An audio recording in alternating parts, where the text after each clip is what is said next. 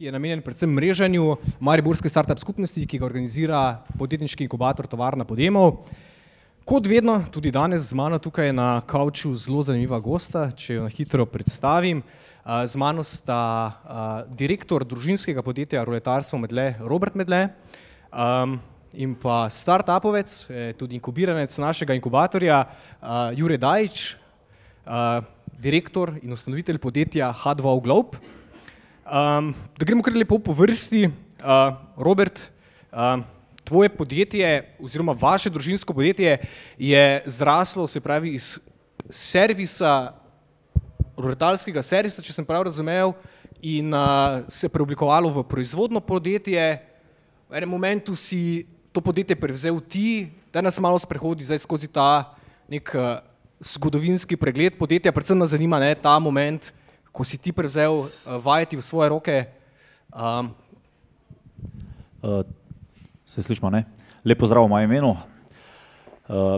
Se pravi, naše podjetje je ustanovil moj oče leta šestinsedemdeset, se pravi triinštirideset let nazaj. Dejansko, tako kot je kolega rekel, kot servisno storitev z montažo rolet. Dejansko bilo to kar dolgo časa servisno podjetje, potem pa zaradi zelo sezonskega dela je začelo pač začel oče razmišljati tudi o neki proizvodnji, da se je v zimskih časih, ke se pač ni dalo na teren, dalo tudi vsaj zaposlenim kaj drugega delati, da je pač, mislim, da je lažje se zima pač se šla. No, v glavnem to je, ta proizvodnja počasi se je širila do, zraven smo seveda tudi jaz in moj brat bila ves čas vpletena, ker to je bilo v družinski hiši. Dejansko je bil to en way of life, v bistvu si imel dve možnosti, ali si se učil ali si moral pa delati v delavnici. In to skozi pač do srednje šole, jaz sem tudi nekaj na fakulteti poskušal narediti, strojni faks, ampak sem po dveh letih enostavno vedel, da to ni zame študij, jaz sem se bolj videl v neki proizvodnji, pač nekaj bolj, ni me, enostavno me knjige ni zanimala, bolj sem se v delu videl. Sem pa zelo veliko se potem izobraževal, bom rekel, na nekih drugih zadevah, razne razna predavanja o karkoli, vse, bonton, vse ostalo, v glavnem to je bilo kar, se pravi po srednji šoli, bom še majčkeno malo daljši bom zdaj, da v bistvu bojo zgodbo razumeli. Potem je pa moj brat šel prvič dal pobudo, da bi šel na svoje, in mu je, sta mu starša odstopila en del programa in je šel na svoje, svojo zgodbo z brizganjem plastičnih mas za nas, za naše podjetje, pa potem še za ta program, en program senčil, predvsem bolj notranja senčila. In tako smo samo še trije ostali v podjetju, se pravi, jaz sem samo en delež v podjetju, ostalo sta imela oče pa mama večinski delež in je bilo to do mojega, bom rekel, dvaintridesetega leta, ke sta me pa kar dala za direktorja, sta rekla: "Glej, zdaj pa treba kaj bolj več odgovornosti prevzeti." In dejansko saj meni to ni bil problem, jaz sem bil skozi v neko vodenje tam vpleten in v delo, jaz sem poznal podjetje, vse stroje, še zdaj poznam zelo dobro tehnologijo. In sem dejansko postal z dvaintridesetimi leti direktor, ampak z neko oporo, da sta mi še kar, bom rekel, kar dosti dobro pomagala, oče malo manj, kar potem bolj na te svoje hobije svoje prešaltal, mama, ker je bila pa kar nekaj mlajša od očeta, je pa še bila v podjetju, ker je rabila navsezadnje do penzije še nekaj let. In je bila pravo oporo predvsem v smislu, bom rekel, predajanja izkušenj, predvsem na področju financ in bom rekel, nabave in predvsem nabave. No, dejansko po parih letih je pa, smo pa, je mama dočakala to svojo uradno penzijo, pa sem tudi jaz izrazil željo, da bi pa to jaz čisto zdaj sam prevzel. Smo pa tako naredili, da sem dejansko nisem dobil podjetja, jaz sem ga dejansko odkupil, jaz sem po tržni ceni, skoraj po tržni ceni, no, bom rekel, ni bilo treba čisto odkupil uh, podjetje od staršev, tako da sta imela dejansko ona dva dobila rento za svoje, uh, za svojo pač življenje v starosti. Uh, jaz pa tudi dejansko neko motivacijo bilo treba na vse zadnje ta denar, uh, mislim, pač zbrati skupaj s podjetjem, s delom. Je bila tudi ena res dobra motivacija za, za delo, za pač pot do uspeha, bom rekel. No. Bi moral še kaj povedati? Ne, super, super, uh, izčrpno, hvala. Uh, zdaj, uh, razlog, da danes tukaj sedite skupaj, ni na ključe. Ne? Uh, ne samo, da sta oba podjetnika in da vaju druži uh, strast uh, do um, potapljanja in uh, podvodnega ribolova, ki vaju praktično um, se pravi tudi poveza kot prijatelja. Uh, se pravi, je to neka vajna skupna vez in uh, zdaj, Robert, če mi ne zameriš, malo sem že danes strujen, lahko v dveh stavkih, mogoče ti, Jureta, predstaviš. Jure je en tak, eh, bi rekel, hiperaktivc, saj kot ga jaz vidim, predvsem res zelo usmerjen uh, proti uh, ribolovu in dejansko tu je njegov way of life in tudi biznis delati iz tega, tu je njegov way of life. On, z njemu se sem pogovarjal o teh ribah, pa o poslu, kako bi on tu še kakšen tečaj, kako bi uspel še kaj več, res uh, hiperaktivc, poln energije, poln idej. Ok, odlično. Zdaj pa mogoče, če si pogledamo, kaj pa pravi Google o Juretu. To je zdaj nekaj prvih zadetkov na, eh, na Google. Jure je prvi slovenec, ki se je z enim vdihom potopil globje od 100 metrov. Uh, Jure je skoraj najgloblji zemljan v kopalkah. To so direktno iz, mislim, da je ta bila novica v delu. Uh, Jure je pa de, še... Pa da je živ ven prišel.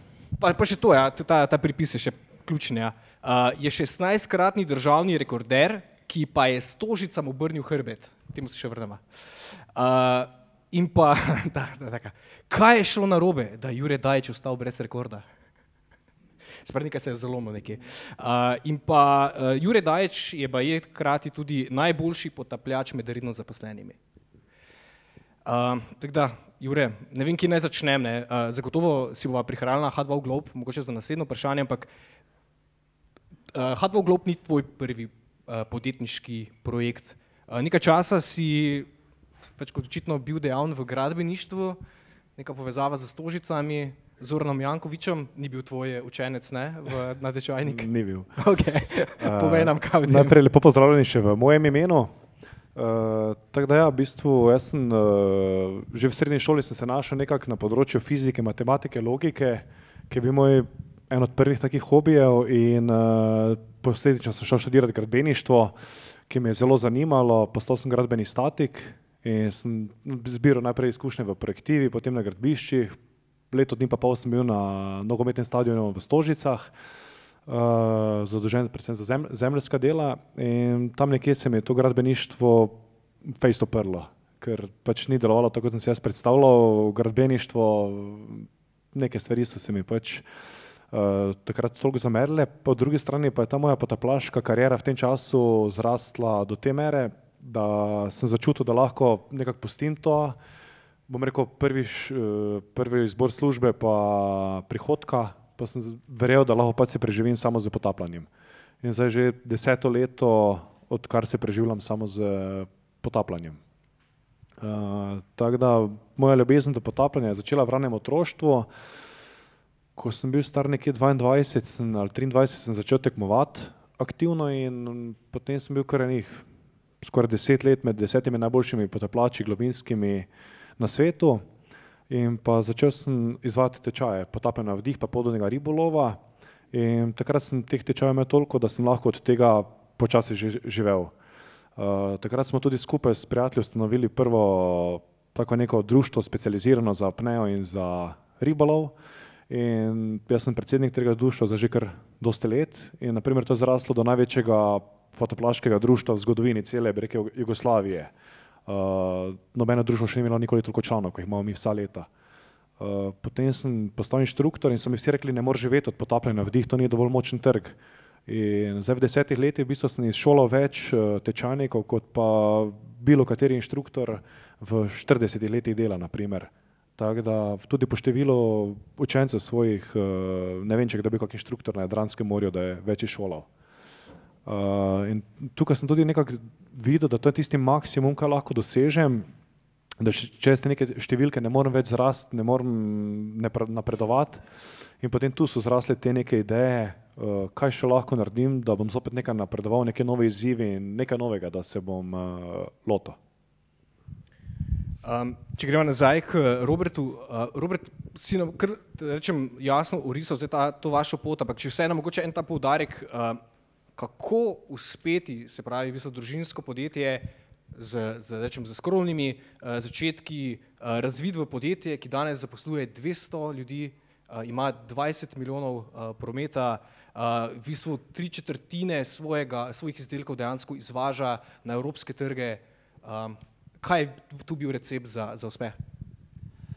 Jaz tako rečem, da nikoli nam ni bil cilj rast. Zmeraj nam je bil cilj, da smo dobri. Dejansko skozi več čas hočemo biti dobri in dejansko, če si dober, očitno rasteš. Očitno raste stranke, te prepoznajo, dobivaš nove, dobivaš nove kupce, seveda se trudimo, da jih tudi dobimo, ne? ampak nikoli z tem, da bi, bili, da bi rasli. Nikoli nimamo tudi plane, ki si dajemo za naslednjo leto, mi smerje damo nekje 5%, mogoče si želimo 5% rast. Pa je tako pol, je konc leta se pol tam pokaže, da je vsaj 10, ne. Ampak dobro, res hočemo biti samo dobri. Super. Uh, Gremo nazaj malo na H2 Globe, se pravi, to je zdaj tvoj aktualni projekt. Um, daj ga malo predstaviti, kaj je to Tinder za potapljače ali Airbnb za potapljače? Uh, v bistvu Tinder definitivno ne, Airbnb bliže. Uh, v glavnem, uh, zrasla je neka ideja, da bi ustvaril neko platformo za potapljače, ker uh, sam sem, bom rekel, se potapljal po celem svetu kot turist, po celem svetu kot tekmovalec, uh, potem kot inštruktor sem točno vedel, na kak način se želim predstaviti svoji ciljni skupini in bom rekel, težko se najde nekoga, ki bi boljše poznal ta trg, kot uh, ga poznam jaz. In ni bilo nobene take prave platforme na uh, tej sceni. In to je, da sem razvijal vrsto let, uh, z leti in leti je rasla. Je najprej zrasla seveda kot da bi neki bil meeting point, kjer bi se podvodni lovci lahko dogovorili za skupni ribolov po vseh lokacijah po svetu.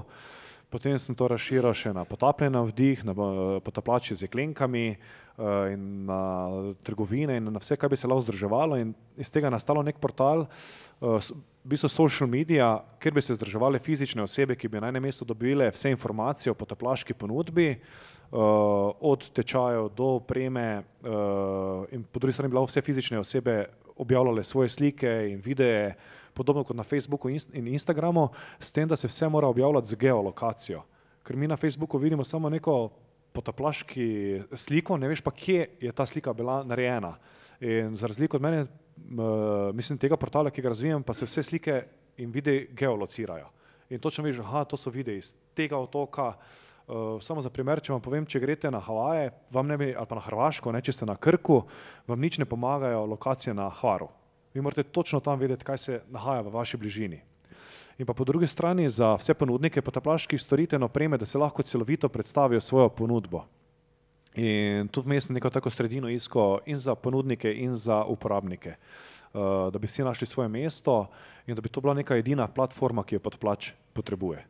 Uh, in vse, kar rabi, je mobitel in WiFi, kjerkoli na svetu se nahaja, da dobi vse podatke v enem trenutku o lokacijah, o potaplaških partnerjih, o tečajih, o paketih, o opremi, uh, ne glede, kje to želi ugotoviti. Uporabo si dve besedi, ki sta zdaj ključni za to, da se na njo navežem. Ena je razvoj, druga je pa širitev. Uh, v smislu, pogoste pa sti start-upov, se pravi, da se zaprejo, razvijajo, razvijajo, dopolnjujejo, uh, nikoli pa za res ali pa zelo pozno pa za res zadevo grejo na trg. Se ti prepoznaš v tej pasti ali si jo ali si že mimo te pasti, si prej si že uh, zadevo, da rečem, pravočasno dal na trg, da, nisi, uh, da nisi zapravljal preveč časa z razvojem? V bistvu sem malo obratno pot izbral, mi smo štartali relativno hitro z beta verzijo in smo se zavedali, da je to pač uh, nepopolna verzija, smo pa rabili to eno obdobje, da smo spoh gotovili uh, od uporabnikov nazaj feedback, kaj jih moti, kaj bi spremenili, kaj bi izboljšali uh, in pa uh, predvsem te, kje so napake v programiranju in uh, kaj lahko izboljšamo. Teda mi načrtujemo v roku 14 dni do 3 tednov, bi naj šla zdaj prva različica polne verzije online. Uh, to smo prej med temi hitrimi. Uh, smo pa vseeno že mislili sprva, da bo nam uspelo pred sezono, ampak smo videli, da je nesmiselno lansirati nek produkt, ki bi imel preveč napak, ker če si ustvariš neko slabo ime, uh, se ga težko popravljati. Tudi reči smo dali neko beta verzijo ven, napisali disclaimer, da je to res beta verzija, ki še nima prave funkcionalnosti. V roku, uh, bom rekel, dveh do treh tednov bo pa verzija 1.0 in do konca leta mislim, da bomo to razvili uh, do konca uh, z vsemi temi idejami, ki smo si jih zastavili za to prvo fazo. Potem takoj zatem začnemo z programiranjem za mobilne aplikacije za iOS in Androida, potem pa takoj zatem so pa že naslednje faze, ki so, bom rekel, malo, tudi malo bolj kompleksne in vse odvisne od nadaljnega razvoja. To je pač ena od največjih nekih spletnih trgovin, ki bi iz tega zrasla, ki, ki bi združevala vse te mini trgovinice, uh, ki bi se punu, uh, reklamirale na portalu in ogromno je tega potencijala, do teh diving logbookov, do ekologije, do prenosa tekmovanj v živo, do, to je v bistvu neomejeno možnost širitve. Ampak vse je korak po korak in to so zdaj stvari, na katere še samo rekel, tako klukice delamo, kaj bi naj enkrat izvedli, ko bo čas primeren.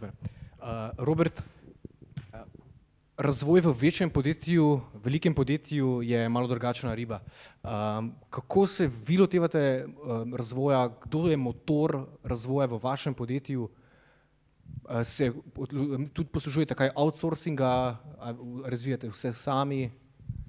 Ja, um, zdaj v bistvu tudi mi smo se, seveda razvoj je sestaven del, uh, ampak tudi mi smo take napake delali, se pravi neke zadeve smo včasih uh, res prehitro ven dal in ni bilo dokončan izdelek oziroma se je gotovo, da ima preveč napak in je bilo precej slabo volje pri kupcih, neke slabe reklame, tako da zdaj gremo zadnji čas precej bolj premišljeno ven, ampak še vedno običajno tam na izdelku nikoli na 100%, zmeraj gremo tam, bom rekel, ajde v številkah 80-85% izdelku, ker če ne enostavno predolgo traja in nikoli ni končana. Komercialisti, oni bi radi itak imeli takoj, čim prej, uh, proizvodna čim kasneje, ampak moraš potem nekje uh, reči, zdaj bomo dal pa ven. Zdaj, uh, kar se tiče, kdo, kdo ima razvoj čez, sicer imamo sami uh, nekaj, uh, tri v bistvu čist, čist razvoj, nekaj, ki samo s tem. Uh, Uh, ampak to ni pri nas razvoj, da bomo rekli, niso vedno novi izdelki. Recimo letos smo dali en nov, res tak revolucionarni izdelek, to uh, našo novo leto Falcon ven, ampak načeloma gre to v glavnem za izboljšave in na zadnje je vodstvo tisto, ki, ki odloči, uh, kaj, v katero smer bomo šli. Sem mogoče, da sem, bi moral še to povedati. Uh, mi dejansko vse naše stranke uh, koncu leta imamo take malo obsežnejše razgovore, kjer zberemo informacije, uh, v katero smer, mislim, kaj, kaj dejansko potrebujejo. Uh, in potem na podlagi teh informacij se v začetku leta odločimo, katere so prioritete, ali gremo izboljšave izdelkov ali gremo v razvoj kakšnega novega. No. Mogoče še potem naprej. Ja. Uh, bi še malo ostalo, mogoče pri tebi, Robert. Uh, ob eni priložnosti si rekel, da v bistvu raje vlagate v razvoj, kot pa da bi vlagali v patentiranje. Zdaj se mi zdi, da je kar malo kontroverzna izjava. Ne, to je bilo čista resnica in za tisti čas je dejansko držalo, ker uh, nismo bili, to je kar precej stara izjava, no? ni čist najbolj sveža. Uh, Uh, je bilo čist res, ker eh, dejansko je bila tle tudi pri nas dost velika anarhija in zgubila čase za patentiranje in denar je bilo nesmisel, ker tako in tako je lahko nekaj, nekaj podobnega naredil, pa ravno tako uspel. Moram reči, da smo zadnji dve leti ploščo malo obrnili, posebno za ta tržišča Bosno Srbija, bivša juga, ker dejansko to, kar se začel kopirati, to je To, to je obupno. Mislim, to so nam kopirali čist cenik, naš cenik z vsemi tehničnimi, samo, uh, samo 10% so ceno spustili kompletno. Mislim, to je noro, kopirajo res vse. Se pravi, če nas kopirajo, smo dobri. To je, to pač, ampak smo začeli pa res, zdaj smo začeli pa tudi patentirati in vlagati, ker enostavno moraš saj jim dati nas ven, pokazati, da je pa nekaj zaščiteno, da pa čisto prosto ne morejo delati. Tako da ta izjava je bila res stara, zdaj smo malo obrnili. No. So pa izredno dragi patenti, to za, recimo za bivšo Jugoslavijo še dokaj podobne cene, smo pa imamo pa izdelke zdaj, ki jih patentiramo tudi v Evropski uniji. Tole zdaj za neke detajle nevidne v roleti, to nas bo 40-50 tisoč evrov stalo, recimo, da bomo vse te države, kjer prodajamo, patentirali. Ni pocen, niso pocen heci, je pa treba nekaj dati, Zaradi tega, da jim potem blefiram, z blefom greš. Tam daš, er, ne daš točno, kaj je, naj oni iščejo, kaj je patentirano, ampak jim daš gor, da, da je nekaj patentirano, da ne morejo čist šart po tvojih produktih, pa po tvojih idejah. No. Super. Uh, Jure, tebi je, tebi je, da se malo vrnem k skupnosti. Ne? Skupnost je, ti je zelo pomembna, veliko delaš na tem, pred dvema mesecema si imel taki predstavitveni dogodek v Mački, um, kjer si v bistvu povabil, da rečem različne deležnike skupnosti, da si jim predstavil v bistvu svoje podjetje. Um, kako zbiraš, da rečem ta feedback, kaj ti pomeni ta feedback, kako ga vključuješ, na kak način ga vključuješ v bistvu v razvojne procese?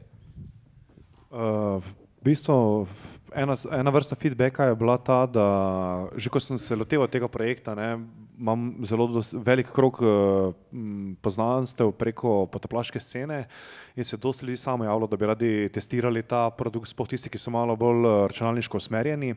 In od njih smo dobili te prve informacije. Pol, ko smo prišli z nekim produktom, tem, s to beta verzijo v javnost, uh, sem pa ta dogodek izvedel predvsem to, da predstavim najprej na, domačem kraju, In tudi, bom rekel, ogromno nekih informacij je prišlo nazaj. V naslednjih dneh so kar leteli maili od tega, ne, da nekdo ne zaupa, naprimer, da smo sposobni mi tak projekt izvesti, da smo si zadali preve, prevelik cilj, uh, do tega, ne, pač izjav, da če bomo to izvedli, ne, da bo to res ono meka za potaplače, uh, kaj vse uh, se obeta. In zelo dosti teh koristnih na svetu, ki jih pa zbiramo in potem dejansko v te verziji, ki zdaj prihaja ven, uh, bomo te stvari uporabljali. In rekel, neka ta domača publika na nek način jo je najlažje zbrati, ker jih poznaš, po drugi strani pa so hitro neka konkurenčna društva, kaj ta, ki ti lahko do kakšne nož hrbet zarine, kolikor nisi dovolj ali pameten ali spreten. Tako da uh, načeloma imam pa zelo dobre odnose z vsemi temi ostalimi društvi, kljub temu, da smo nekako konkurenčni, dobro funkcioniramo na istem prostoru. In tudi to je bilo, da, so, da sem uspel zbrati vse predsednike oziroma predstavnike vseh društev, uh, nekateri med njimi so med sabo sprti, ki so rekli, da ni možno, da bi kdo skupaj spravil na istem, istem prostoru, meni je pa to uspelo, kar je tudi svoje vrstna potrditev. Robert, če lahko pove, poveš več o tistem, ko si rekel, da imate konec leta v bistvu neke uh, intervjuje z strankami. Kako to zgleda? Uh, pač tu so redni obiski konec leta, na zadnje se veste, kako je treba je pač malo se zahvaliti uh, partnerjem za zvestobo tokom leta, ker dejansko naš fokus je na ne toliko končni stranki, ne toliko, da vam bo bolj jasno, niso nam toliko končni kupci, kot pa podjetja, manjša podjetja, čim manjša podjetja, boljše je ne maramo velikih kupcev, eh, dejansko želimo razpršiti. No, v glavnem obiskujemo konec leta te, da se in zahvalimo in takrat zbiramo informacije, zbiramo informacije o naših produktih, kaj je bilo dobro, kaj je bilo slabo, kaj bi bilo potrebno izboljšati, kakšne so želje in zapišemo vse, oziroma naši komercialisti, pač, ki grejo na teren, zapišejo vse te podatke in jih potem predajo naprej, bom rekel, vodstvu zbrane in potem se dejansko te ocenimo, kaj je, je veliko tudi slabih idej, ne, ampak dejansko dobre, kjer je potrebni izboljšave, kjer se strinjamo in pa mogoče smernice, kaj bi bilo, to je v bistvu najboljši vir. Nimaš božga, kad dejansko tržišče samo ti pove, kaj je potrebno narediti in ne rabeš nekaj hoditi pa nekaj, ne vem kaj izmišljati si, samo prisluhneš, kaj bi radi imeli in poskušaš tisto čim prej spraviti v proizvodno. Um, če še malo se navežemo, prej, prej sem omenil, ne, da um, večji del svoje prodaje dejansko vršite v tujini. Kaj so neke mogoče specifike tujih trgov, od trga do trga, ki so značilne mogoče za vašo industrijo in do kolikšne mere recimo te neke nacionalne ali pa lokalne specifike uh, lahko upoštevate, jaz mislim, da upoštevate v svojih izdelkih? Ma zdaj, zakaj tuji trgi? Ko je prišla ta gospodarska kriza 2008, smo se prešteli, uh, smo dejansko videli, da tale, smo mehno podjetje dost, ampak trg je pa tle, tako se skrčil v Sloveniji, da če hočemo kaj, moramo iti v tujino in smo dejansko šli na teren In to je prvo na teren s svojimi produkti. In pa takoj smo prisluhnili teh nove potencijalne stranke, kaj bi oni imeli. Dejansko smo gotovi, da je delo bistveno dražje v tujini, kot pri nas, bom govorimo o Zahodnji Evropi, in da imajo velike probleme, ker vsi ti produkti imajo, ne vem, pač to je bil naš, bom rekel, kaj, kaj bi mi drugače dali in dejansko so gotovi, da bi radili produkte, ki bi se hitreje zmontirali. Mi smo šli v neke in smo gotovi, kaj pa če bi mi naredili nek produkt, ki pa imajo res manj časa porabijo potem za montažo. In smo razvili en izdelek, to je bil naš prvi največji uh, tak uh, izdelek, uh, žaluzija Krater, ki dejansko pri nas ni toliko se ne prodaja, ker ima višji cenovni rang, ker ima več materijala, ampak tujci so pa to zagrabili, ker si lahko dejansko žaluzijo, ki jo moraš uh, navadno montirati vsaj 20 do 25 minut, uh, smo mi naredili sistem, ki ga rabiš, če je recimo na električni pogon, rabiš 4 minute, da zmontiraš. Se pravi, mi smo močno, močno zmanjšali čas montaže in ko smo to predstavili, to je Avstrija šla, Švica, Nemčija, kjerkoli smo prišli s tem produktom in, zato smo pa ostali od zunaj, ker smo videli višja cena, večje in to nam je pa ratalo všeč, ne, ker če lahko dražje prodaš. Uh, smo pač ostali tam, drugače ti je ljubše tle prodajati, ker je vse skupaj bližje, ampak uh, tako nas je odneslo. Zdaj, drugi del vprašanja je bilo pa. Kakšne take, rečem, specifike, ki, ki so mogoče tudi tebe presenetile, ne vem, da Nemci pa želijo bolj to, medtem ko pa, ne vem, prej se govori o državah eh, bivše Jugoslavije, tam pa je mogoče čist nek drug. Ja, to so čist različni trgi. Zdaj, bolj greš dol proti vzhodu, eh, bolje te sprašuje sam po ceni, bolj greš proti zahodu, te sprašuje pa po kakovosti. In dejansko potem balasiraš, tam imaš produkte za zahod, ki moraš res kakovost, ki jih ne šmeš, ki mora biti servis. Ni problem, mislim, velika, nismo mi brez napak. Delamo preveč, zameš, zmeri preveč napak delamo, ne ampak smo jih pa sposobni takoj odpraviti. Mi imamo servisno službo, ki nekaj, če nekaj ne, ne gre nekaj narobe, mislim, če gre nekaj narobe, reagiramo najhitreje, ker se da, poštamo je tu v Nemčijo, Avstrijo, serviserje, dejansko imamo izredno dober backup in s tem smo jih prepričali. Se pravi, tudi so bili veliki playeri na trgu, dajo produkt, ko je kaj narobe, to traja, traja, mi smo pa tle videli svojo priložnost, da pa tudi če naredimo narobe, pa takoj odpravimo, smo zraven, vejo, da imajo nekoga od zadaj. In to je v tujini še posebej bilo še bolj cenjeno, no, bolj so prepoznali. No. Kaj so pa tvoji ciljni trgi, kam pa ti ciljaš? Tudi predvsem tujino? Uh, ja, dejansko, ko gledam že ime H2 Globe, projekt pomeni, da se gleda globalno, ker to slovensko oziroma Jadransko morje mi je nezanimiv projekt. Uh, dejansko štartam tukaj, ker imam največ uh, vez poznanstev, ampak tukaj vem, da se lahko v par mesecih razširim in v celoti pokrijem ta trg. Uh, nekje v letu 2020 mi pa je cilj pokrivati te določene države v Evropi, ker imam tudi zelo dobra poznanstva, predvsem Grčija, Italija, Francija, delno Španija in uh, se koncentrirati na te štiri države. Naprimer. In potem, ko bomo dovolj močno bomo videli, v kakšnem času nam bo uspelo pokriti te države, potem bomo počasi šli rast uh, ta neka Indonezija, jugovzhodna Azija, ki je potaplaško izredno močna in pa vsi ti ostali trgi, ampak uh, to ne bi upal si napovedati, kdaj bo to, ker je vse odvisno, koliko hitro bo Evropa zagrabila, uh, koliko bo prihodkov, koliko si bomo lahko privoščili marketinga v tujino. In um, tu je mogoče moja največja prednost pri tem projektu, ker sem tako dolgo na tej sceni, poznam uh, ogromno rekel, starih prijateljev, uh, tekmovalcev, trgovcev, uh, raznih društev, klubov. Uh, in vsakim, ko se pogovarjam, mi bodo nekak na, na, na nek način vračali uslugo, da širijo to uh, idejo te platforme med vse svoje te mailingle, mailinge in zato se osredotočam predvsem na Evropo v naslednjem letu. Super, hvala zgor. Uh, Pred nadaljujem jaz s svojimi vprašanji, pa se mogoče malo obrnemo k publiki. Uh, vas, kakšno vprašanje? Roke v zrak. Aha.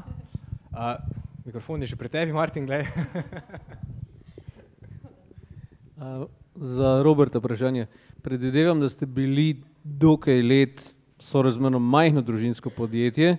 Kaj je bil tisti razlog, da ste začeli rasti? Je bilo to, da je bilo treba podjetje odplačati, je bilo to nekaj takega, da ste pogruntali izdelek, ki se da hitreje montirati, ali je bilo to enostavno, da ste več ljudi zaposlili. Kaj je bilo tisto, da, tisti razlog, zakaj je v nekem trenutku pa začelo zadeva bolj, bolj rasti?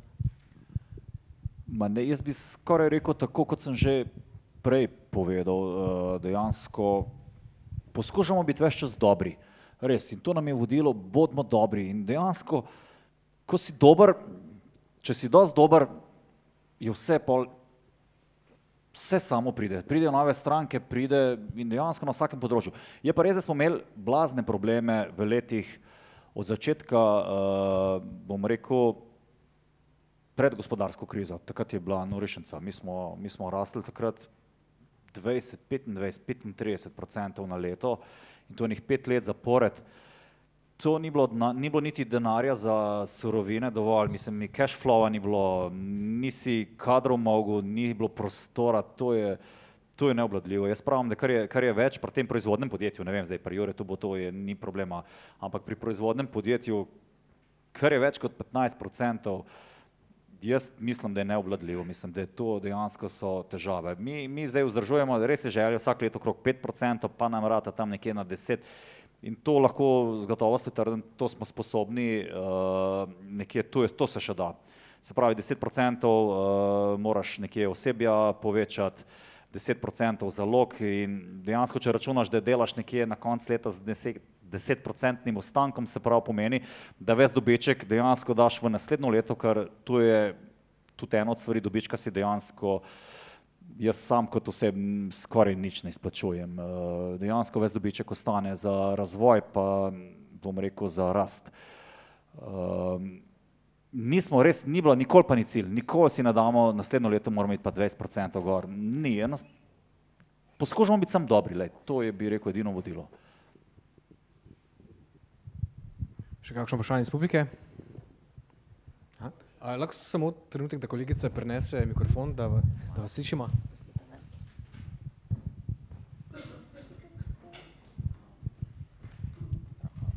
Še eno vprašanje za Roberta. Mene pa predvsem zanima sistem postavljanja cen oziroma vrednotenja vaših produktov.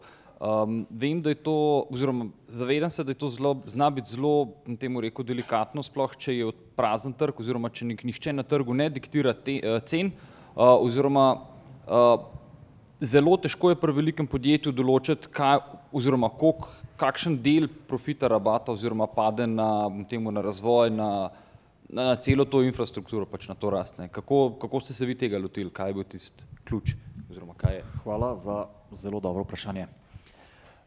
Dejansko je to umetnost. Mi smo prišli v nekih delih na trg, ki so že neke cene, vsaj ko smo so bile nekaj je bilo že postavljeno, tako ke neke, neke cene na trgu so obstajale. In dejansko sem bil, je bila moja ideja, moja ideja, da smo začeli majčkeno drugače delati, dejansko prej je bilo cene po kvadratu recimo so bile, vse bilo, vsa senčila so bile po kvadratnem metru. Jaz sem tule malo tujini videl, da imajo to tabelarno, da imajo tabelarno in jaz sem riskiral in sem rekel, dajmo mi cene tabelarno in dajmo nastaviti z rabati.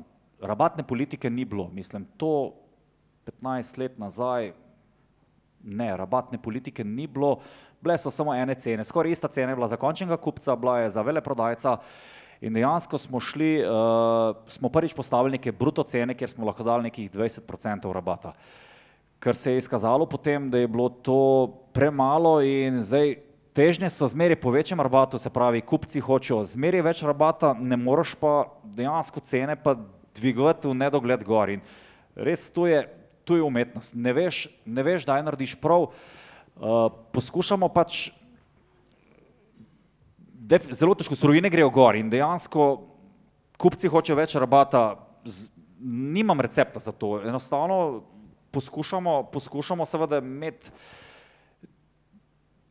neko, bom rekel, bruto ceno v nivoju, ki je še za končno stranko sprejemljiva, se pravi, za ta način je treba spremljati konkurenco, kaj je na trgu, pa seveda pustiti dosti mesta za naše veleprodajne kupce. Pa biti zelo previdni moramo biti spet pri rabatih, ker tudi nekaj končnih strank obdelujemo in moramo paziti, da se ne zgodi, da nismo kje slučajno cenejši ali pretirano cenejši, čeprav bi lahko bili od, uh, bom rekel, tistih naših kupcev, ki recimo istemu končni stranki ponudijo. Uh, tle enostavno je treba tipati pa probati. Seveda nam je cilj čim višjo ceno postaviti normalno, čim višjo pa, da lahko še zmeraj dovolj rabata dati, ampak recepta uh, ni. Mislim, poskušanje.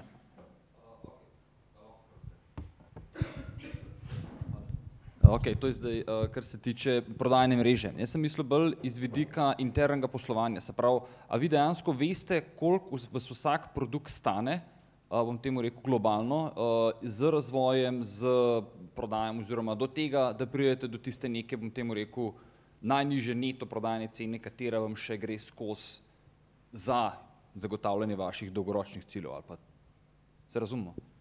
Okay. Če je zdaj to, to naša neto cena, minimalna, ne, jo določimo pri produktu. Uh, se pravi, dejansko gre strošek materijala, pa potem, uh, bom rekel, strošek dela. Uh, sa, do samega, bom rekel, kakšen pa je procent uh, marketinga, pa, uh, marketinga pa razvoja, lahko pa dobiš na podlagi izkušenj iz preteklega leta. Recimo. Mi, mi dejansko vsak mesec po plačah, bom rekel par dni po plačah, naredimo, uh, točno vemo, kako smo prejšnji mesec poslovali. Točno vemo, za, tudi to, tle smo zelo striktni, se pravi, mi hočem, jaz hočem imeti do 20. na mizi uh, rezultate prejšnjega meseca, tako da lahko res lahko nekaj hitro, se pravi, koliko je bilo, dejansko imaš gor marketing, razvoj, te stroški, ko je zraven in vidiš, v kakšnem procentu si uh, teh stroškov ki jih pa potem na koncu leta, ki se običajno cenike korigirajo, vidiš, če se je kaj povečalo ali znižalo, korigiraš tudi pri tej minimalni ceni. Uh, samo izkustveno lahko prideš do teh uh, številk uh, za nazaj, ne? ali pa sprotnim uh, merjenjem. To je bilo mišljeno. Hvala. Še za eno vprašanje imamo časa v tem sklopu, se potem še z, na koncu še Okay. Uh, potem pa se vračam na uh, vprašanje Jure. Uh, kako, ne, uh, Robert je govoril nekaj, da bi se že imel kar precej razdeljene vloge, kar pričakuješ pri podjetju te velikosti. Kako imate vi v vašem podjetju razdeljene vloge? Um, kakšna je tvoja vloga kot vodje? Uh, je, je tu kakšna sporednica z, da rečem, vodjo podjetja, vodjo tečaja? Tam tečajniki, da rečem, njihova življenja so pogosto dobesedno uh, njihovo življenje so v tvojih rokah, se počutiš, da je podjetje enako? Uh, v bistvu, tukaj sem zdaj v tej funkciji uh, vodilne osebe pri razvoju tega H2 Globa, je rekel, vse skoraj drugače kot do, pri dosedanjem delu. Uh, ko sem začel s temi tečaji, uh, oziroma z rekel, prejšnjim uh, uh, načinom uh, preživljanja, je bilo vse v mojih rokah. In dejansko sem delal vse stvari sam, od teh nekih novic pisal, izobraževal, uh, širo neko ime, uvajal neke mailing liste, treninge, vse te stvari, da sem si z leti ustvaril to neko ime. In uh, tudi tam je pač vedno bil neki cilj, uh, da se vsakemu tečajniku oziroma stranki 100% posvetim in vedno sem imel moto, da vsak, ko gre od mene iz tečaja, da mora biti zadovoljen. To mi je bilo tisto vodilo skozi vsak tečaj, ki sem ga izvajal. In vse je bilo v mojih rokah, potem je to zraslo, da več nisem obvladal takega števila tečajnikov in sem zaposlil določene ljudi, ki so mi pomagali v praksi, potem v administraciji. In zdaj je to toliko zraslo, da, da počasi že neke stvari avtomatsko delujejo. V tem projektu, ki sem, ki sem pa se ga zelo lotil, ta portal, ki ga razvijamo, je pa stvar v takem, da jaz ne znam nič programirati, ne znam se lotiti marketinga, Uh, vem pa točno, kako bi moral ta končni produkt izgledati. Jaz sem v glavi do potankosti razdeljeno idejo, ki jo pač dopolnjujemo in spreminjamo. Uh, in potem moram zaupati tem ljudem, ki sem jih našel kot, uh, rekel, uh, kot poslovne partnerje oziroma sodelavce, ki skupaj to razvijamo. In na srečo bom rekel, sem našel vrhunskega programerja, ki je res elita, In to vse glede tega se prepušča samo njemu. In še povrhu potapljač, ne? Ja, vse to je dobro tudi, da dejansko vsi, ki sodelujejo na tem projektu, so videli nek tak potencial že z ljubezni do potapljanja, nekak in vsak od njih ki dela na tem projektu, se samo od sebe našel, oziroma na ta način jaz hočem tu biti zraven, ni mi bistven zaslužek, ni mi bistven uh, ta finančna plata, ampak hočem, da to moja referenca, hočem, da jaz delam na tem projektu in marsikdo dela to iz tistega prepričanja in iz ljubezni do samega športa. In to, bom rekel, smo veliko srečo ali pa bom rekel, je moče posledica takega širokega kroga poznanstev, da sem zbral take ljudi okoli sebe. In bom rekel, jaz vztrajam strogo naprimer, pri te stvari, za katere menim, da sem jaz največji strokovnjak in to je pač, kaj bi naj imela, kakšne funkcije bi naj imela platforma, kak naj zgleda, uh, take stvari. Kaj se pa tiče programiranja, imajo prosto roke, kaj se tiče marketinga, zopet na nek način proste roke. Uh, za grafiko tudi, jaz lahko samo rečem ne ali pa izboljšati ne, in ogromno idej samo pač sprejemam. Uh, in sem danes dosti krat zadovoljen, ali pa rečem, ne, ni, ni mi všeč, da damo še enkrat nekaj začeti znova. Uh, tako da nekako krmarim med vsemi temi svojimi idejami, pa med predloge, ki jih dobivam od sodelavcev.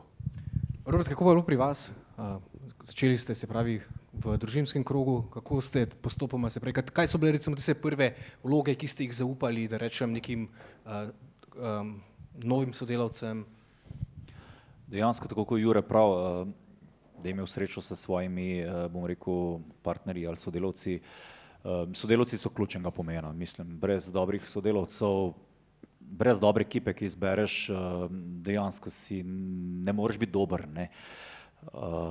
Kadri so ključni in res se veliko, veliko trudimo, da bom rekel, da smo v okolju prepoznani kot dobro podjetje v smislu, da imamo dobre pogoje. Mi poskušamo recimo proizvodno, organiziramo 95% naše proizvodnje je organizirano, da je sem v dopodanskem času, se pravi zelo nekaj minimalnega delamo v dve izmene, mislim mogoče, da jih dela tri, tri, štiri osebe na mesec, eh, mogoče v, bom rekel na dan, da morajo popovdne, poskušamo res, da dobre pogoje. Imamo uh, organizirane razne družabne dogodke, rekreacijo.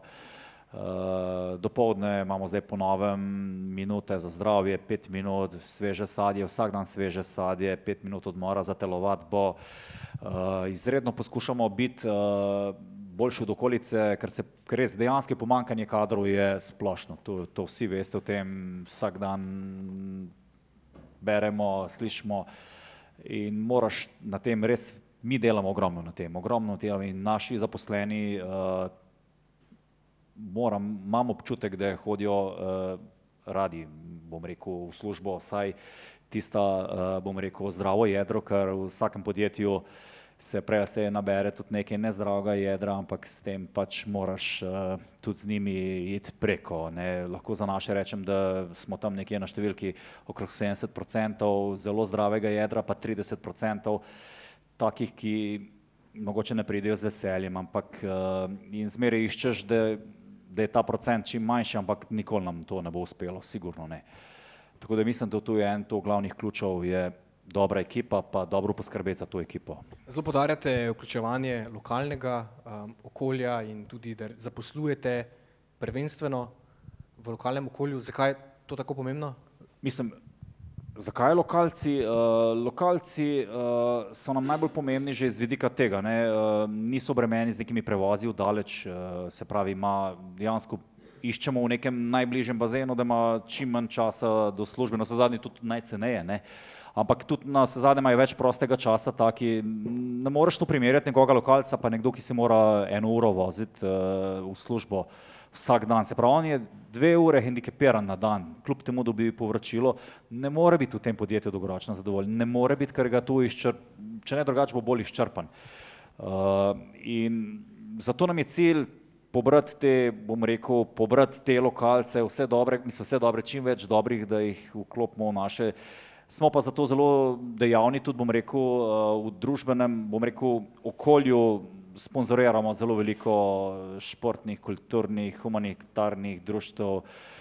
Uh, uspeli smo pred leti zgraditi tudi svoj uh, športni center, uh, ampak to je ena dolga zgodba, drugič o tem, ampak seglih.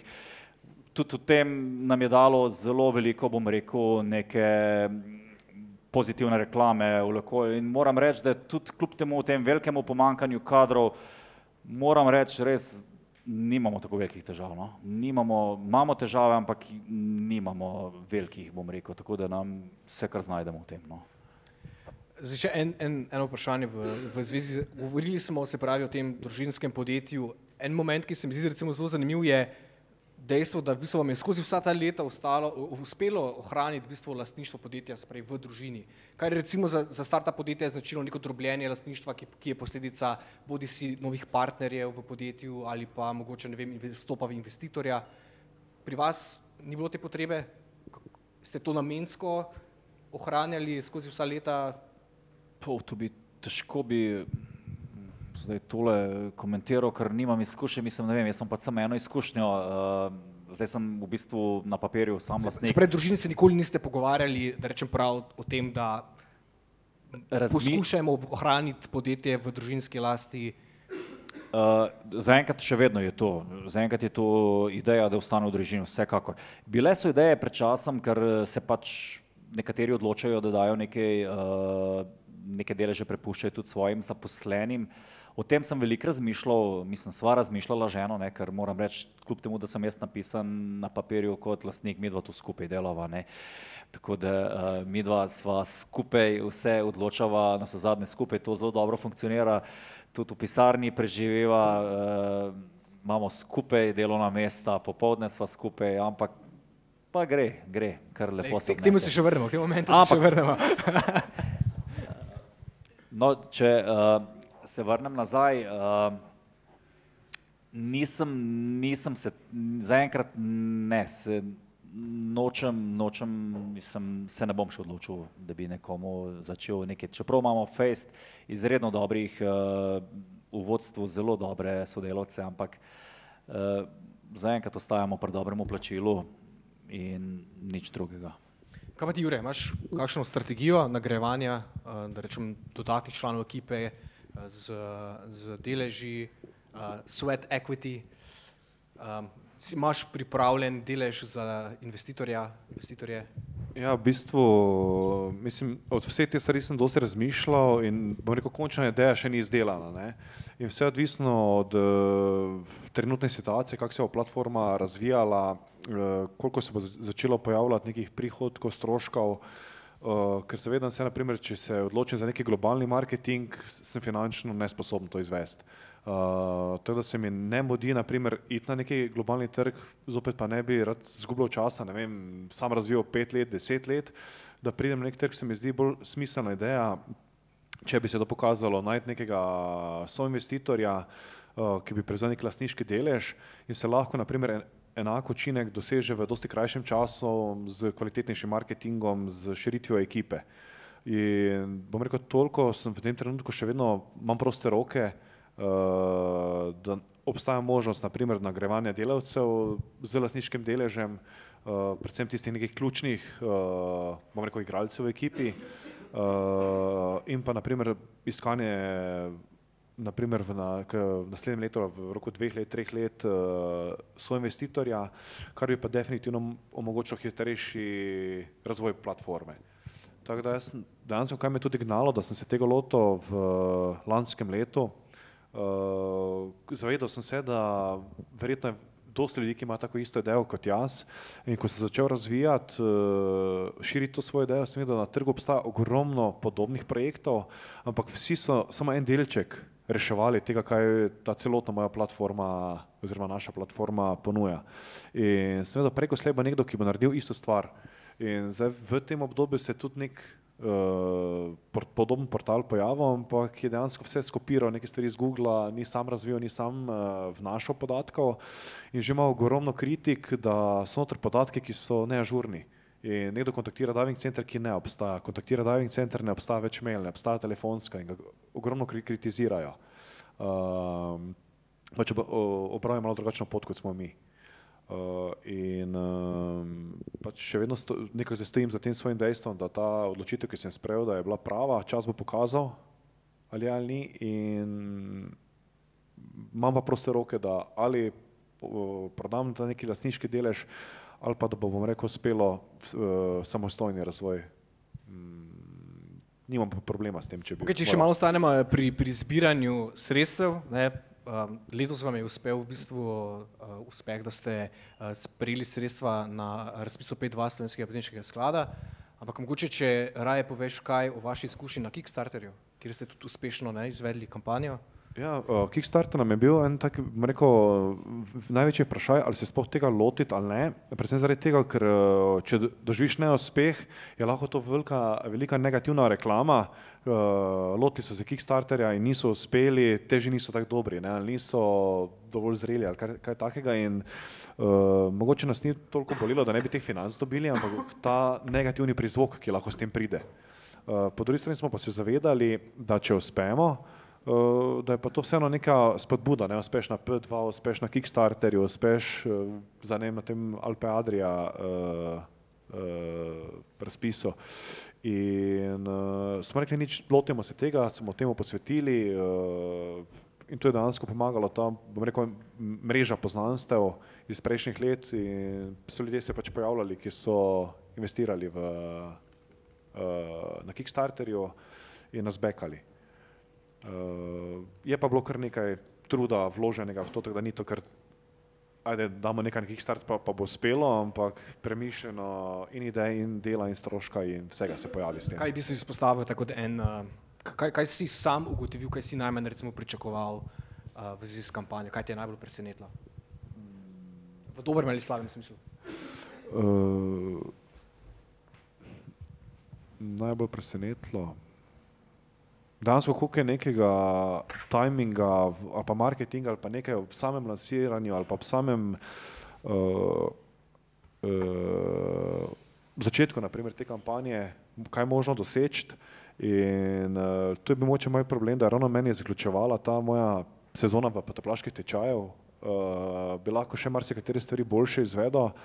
Uh, Če si zelo dobro razmrežiš informacije v krogu poznanstev, lahko zelo hitro dosežeš tisti boom. Uh, in to je pa ogromno, ogromno časa potrebnega. In se dejansko z vsemi temi poznanstvi mm, osebno slišati, v- povedati, na nek način predstaviti to idejo. Uh, in tu je, bom rekel, moja vloga uh, velika in pa uh, zmanjkalo mi je časa uresničiti vse te ideje. In ko je šlo že proti koncu kampanje, ne, sem bil, da je to sem zamudil, pa to bi še lahko, pa, pa to in dejansko ogromno časa si treba vzeti za to mreženje že pred samim lansiranjem. Uh, to mi je nekako najbolj ostalo spomin. Super istočnica, marketing. Uh, Robert, uh, kako, se, kako se vi lotevate marketinga? Kaj so neka tipična orodja, ki se jih poslužujete? Mogoče predvsem me zanima, a, a so Facebook in druga socialna mrežja orodja, kjer vas najdemo, kjer oglašujete? Uh, bom rekel, ta Facebook in uh, ostala ta omrežja družabna je mogoče bolj uh, v zvezi s kontaktiranjem z okolico, pa v bistvu nekaj, ne bom rekel pro, prodajno, preveč usmerjene, kar se tiče, bom rekel, bolj zaradi, uh, da se govori o nas, da se sliši. Smo pa, kadar imamo pa nov izdelek, kadar je čist kaj novega, recimo letos se poslužujemo, smo kar nekaj potrošili uh, tudi za nove izdelke, ki si pa naključno, uh, smo pa tudi preko družabnih omrežij. Uh, drugače, bili smo pred leti tudi veliko na televiziji, pa to, ampak ne v smislu tok spet, da bi želeli iti do končnih strank, ampak da smo mm, našo blagovno znamko dvignili pri vseh ostalih slovenskih kupcih. In moram reči, da marketing se res pozna. Mislim, marketing je naredi na samem prepoznavnosti podjetja, mislim, čez, ali si v marketingu ali te pa ni, mislim, enostavno je treba, brez tega ne gre. In tudi bom rekel, da mi vlagamo, ko smo že v procentih, recimo okrog, okrog 2% je nekje uh, mi za reklame porabimo našega, bom rekel, uh, naših prihodkov. So no. te, TV oglasi ali kaj? kaj TV kaj se- oglasi smo zadnjo leto mačkan zmanjšali, ker smo ugotovili, da s temi, bom rekel, naprednimi televizijami oziroma ponudniki že zelo malo uh, oseb gleda sploh te reklame, vsi gledamo malo kasneje, pa prevrtimo potem in smo ugotovili, da je učinkovitost pres- precej več gremo, bom rekel, uh, malo jumbo plakati, tiskani mediji, uh, predvsem pa tisto, kar mogoče se niti ne vidi, veliko damo tudi na stroški obiskov pri teh naših partnerjev, ker nas zadnje tudi marketing. Mi, mi, imamo, mi imamo svojo ciljno skupino uh, podjetij, ki jih je treba obiskovati, pa mm, prezentirati naše, kar je pa nas zadnje tudi kar nekaj stroška s tem. No. Jura, si ti influencer? Oziroma, pod vprašanje, kako je na nek način delati v industriji, kjer si sam sebi influencer, se pravi nek plivnež, ki pozna industrijo do zadnje podrobnosti, do katerega, ne vem, tako sponzorji uh, radi dostopajo, imaš celo, cel kup sledilcev. Uh, v bistvu ja, meni je, uh, bom rekel, nisem moče toliko globalno influencer nekam, ampak v tem uh, področju Jadranskega morja. In karkoli se nekako meni potapljanje vdiha ali podvodni ribolov, uh, bom jaz med tistimi prvimi ljudmi, na katere pač nasploh potapljači pomislijo. In zanimivo tudi, ne vem, če pogledam neki hrvaški trg ali pa neke hrvaške tečaje, uh, dejansko pobiram več hrvaških nekih tečajnikov, pa se sploh ne trudim iti na hrvaški trg, ker sem z slovenskim, slovenskimi že zasičen bil. In, uh, v teh letih dejansko sem bil nekako sodeloval z vsemi nekimi trgovinami, z vsemi društvi, toliko bil nekih strokovnih predavanjih, na simpozijih predaval in ustvaril se nekaj takih krog ljudi, kamorkoli se obrnem, me na nek način ljudi poznajo v tej sceni in to se da lepo izkoristiti v marketinške namene ali širitev neke ideje ali karkoli. In to bom izkoristil predvsem na ta način, tak dogodek, ki je bil tesno izveden v Mariboru, bo predvsem bolj dodelani dogodki sledili v kratkem Ljubljani, leto še v Rovinju, Novem Sadu, v Reki se dogovarjamo, tako da dansko bom lahko zbral vsa ta neka društva, trgovine, vse na enem kupu, kar je nekomu ostalim je skoraj nemogoče to izvesti. Je Robert vplivnostni marketing nekaj, česar se vi poslužujete, je v vašem, da rečem, v vaši branži kak influencer? Mislim, Jure je influencer. Vse, vsi ga spremljamo, vsi on rekuje, kaj je, da če on ne ve, je, on je influencer, sigurno. Uh, zdaj, uh, vsi bi radi bili influencerji, ne? vsi bi radi, se pravi, bili spredaj. Mi se pač tu trudimo v neki področjih, v produktih pa tudi biti influencerji. Dejansko vidim, glede na to, kako nas konkurenca posnema, verjetno smo influencerji in želimo si biti na zadnje. Če to pomeni, da dobro delaš, ker uh, to je v bistvu cilj influencerjev, ne? se pravi, to je dokazilo, da dobro delaš in Jure je to, mi se pa tu trudimo biti. Ja.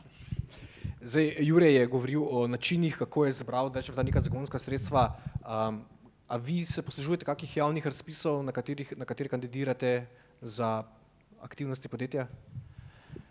Seveda se poslužujemo, mislim, tle, tle, tle moram nekaj povedati, mislim, naša država je tako naštelana, enostavno tega denarja je res zelo veliko na razpolago.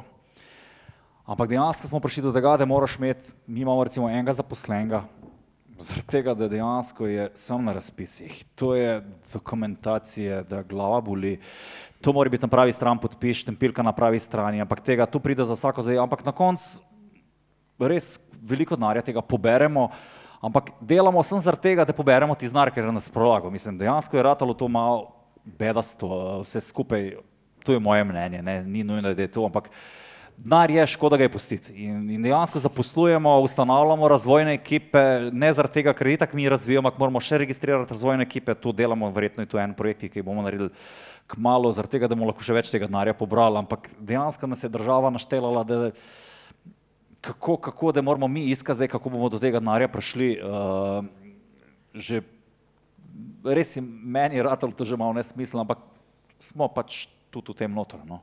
A se predvsem bolj kot ne neke razvojne spodbude? Uh, Ja, ogromno denarja je narejeno za razvoj in dejansko so v prednosti tisti, ki imajo stoveni svoje razvojne skupine, se pravi, tu moraš imeti par registriranih raziskovalcev v podjetju, uh, visoko izobraženih, ki so registrirani potem imaš svojo razvojno skupino, na podlagi razvojne skupine si imaš prednost pri razpisih, se pravi, imaš več točk, si uh, Dejansko niti sam ne vem, ker nisem to upleten, bi sodelavcem mogel na to temo propeljati, ki je vsak dan dela v teh razpisih, eh, daje poročila, koliko ljudi je delalo, dejansko si moraš zadeve že tudi kar precej izmišljati, da tiste ure upravičeš, dnevnike pišeš, pa to, to je. Ogromno dela, ampak se poslužujemo. No? Prej si omenil, da je v bistvu uh, vaše podjetje se soočalo v bistvu z neko sezonsko poslovno ne, in v bistvu se potem morali tudi razvijati neko dodatno dejavnost. Kak je pa pri tebi, Jure, tudi imaš opravka za sezonsko industrijo? Uh, je, pri nas je to dosti bolj izrazito, naprimer, ker smo predvsem na tem delu Evrope, celot Mediteran vezani na, bom rekel, obdobje od 1. maja do 1. novembra. In um, kaj se meni pokazalo, ena, bom rekel, smešnih stvari, eh, določenim tem kolegom, ki imajo trgovine, ki se, mislim, oziroma ne trgovine, ki izdelujejo svojo potaplaško opremo, sem se zmenil, da se bo stvarili, naprimer, profil, ki je drugače plačil za stoj na mojem portalu, ampak me bojo razširili po, na vseh svojih teh retailerjih po Evropi. In sem rekel, gledaj, naredi si profil, daj svojo ponudbo gor, sem mi začel smejati, je rekel Jure, pa to jaz lahko naredim tam konec oktobra, je rekel, ne meni ti avgusta prositi za to, je rekel, ne sfolgamo izdelati naših izdelkov, je rekel, nimamo mi časa zdaj za reklamo, zato mi smo zdaj prebukirani do konca. In jaz sam vidim, ko je, ko je ta moja sezona, naprimer še tečaj, ki jih moram izvajati zaradi in preživetja in vsega ostalega, je kronično premakovanje spanja, ne? ker moram delati in na globu in na vseh tem ostalih prejšnjih biznisih in takrat je štiri urno spanje po noči nekaj normalnega. Ne? Marsikdo se smeje, v računovodstvu so rekli, od tebe dobivamo maile ob 3-4 zjutraj vedno. Da smo ob 4 na telefonu, pa s temi, ko razvijamo skupaj, ob 4 zjutraj rešujemo probleme, to je za nas normalna stvar. Eh, res pa da sem nočni tip.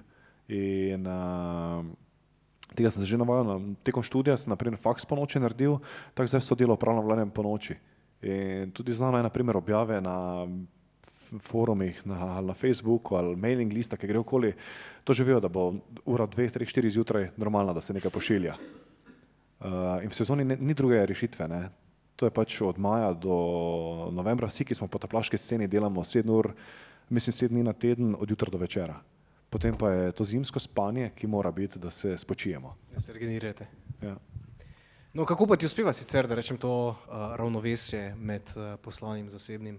Ali je v bistvu potapljanje tvoj hobi ali je to tvoje, samo tvoja služba? Kako gledaš na to? V bistvu hobi služba, ker iz velikega hobija je zrasla služba in potem vam rekel, da to je najlepša stvar, ampak tudi nočna mora. Ne? Ker zgubi se meja med hobijem in službo, na koncu več ni hobi, je še samo delo, uh, kar je zopet fajn, ker je sansko delo, noben te ne razume, zakaj toliko delaš, uh, kako zdržiš toliko delati. In dejansko ljudje, ki, ki me dobro poznajo, se čudijo, odkot neka energija to vse izvest. Uh, pa si mi reče, ti boš, ne vem, dansko pač crkno od prenapornega življenja, ampak meni to streza, meni pa še ta tempo, pač vse vdam biti v vodi, potem pa zvečer delati te stvari, ki me veselijo. Uh, in bom rekel, to je neki recept, ki ga treba najti, pa še ga nisem našel, kako to vse tega rešiti, oziroma zavedam se, treba je delo predati v druge roke, ampak kvaliteta pada. Uh, ne glede koliko je nek sodelavec ali plačan ali zagret, nobene bo nikoli delo s takim entuzijazmom, kot sem se jaz tega lotil. Uh, Robert, prej si ti vrgel kost z dejstvom, da v bistvu z ženo uh, sta hkrati tudi sodelavca. Kako vama uspeva recimo tale uh, neko ravnovesje med zasebnim in uh, poslovnim? Če malo na šalo obrnem, uh, v bistvu je tako, da vsak malo popustiva, pa je tako, kot ona reče. Ne? ne, ne, dobro. Moram reči, da jaz sem tak bolj hitrih odločitev. Jaz uh, zelo velikrat uh, tudi kaj, uh, jaz sem tudi če nekaj, raje se nekaj hitro odločim, pa čeprav potem se vidi, da je mogoče nekaj narobe. Žena je pa malo bolj preudarna, tako da je v bistvu jaz sem tiskal malo naprej, ona me malo nazaj pa vleče in funkcionira dobro, res, res dobro. No. Uh, Tako da vsi me sprašujejo, prijatelji, pa kako je moraš cel dan tole, ampak dejansko mi, da se lahko dopoledne vse zmenimo, tu že za neke privatne zadeve, popoldne se v poslu, to je never ending story, mislim, ampak ne bom rekel, da je tu trpijo zaradi tega, mislim, tu je way of life, way of life je posel, seveda imamo tudi skupne pol hobije, neke športa, ogromno športa, polet tudi potapljanja, uh, ampak gre, gre čist, vse pridejo da iskre tudi umestne, ampak uh, več je pozitivnih. Če ostanemo malo pri družinskih uh, vezeh, Uh, kako si ti dojemal recimo, ta uh, moment, ko, ko je bilo tebi predano podjetje? Je to bil zelo naraven proces, ne? vsi so vedeli, ne, da, uh, da bo Robert prevzel podjetje in da ne, a, a, a, a si čutil pritisk? Mislim,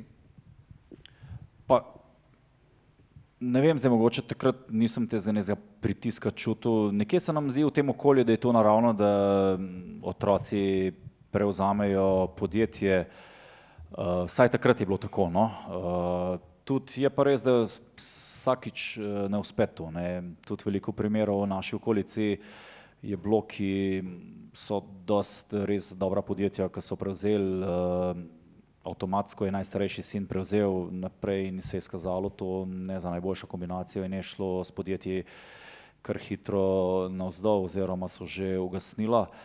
Um, jaz nekega pritiska nisem čutil, verjetno zaradi mladosti ne. Uh, imam pa zdaj isto težavo, ker uh, počasi mi bo pojavila, seveda, ker imam tudi dva sinova in bo treba tudi nekako razmišljati, kako bo s podjetjem naprej.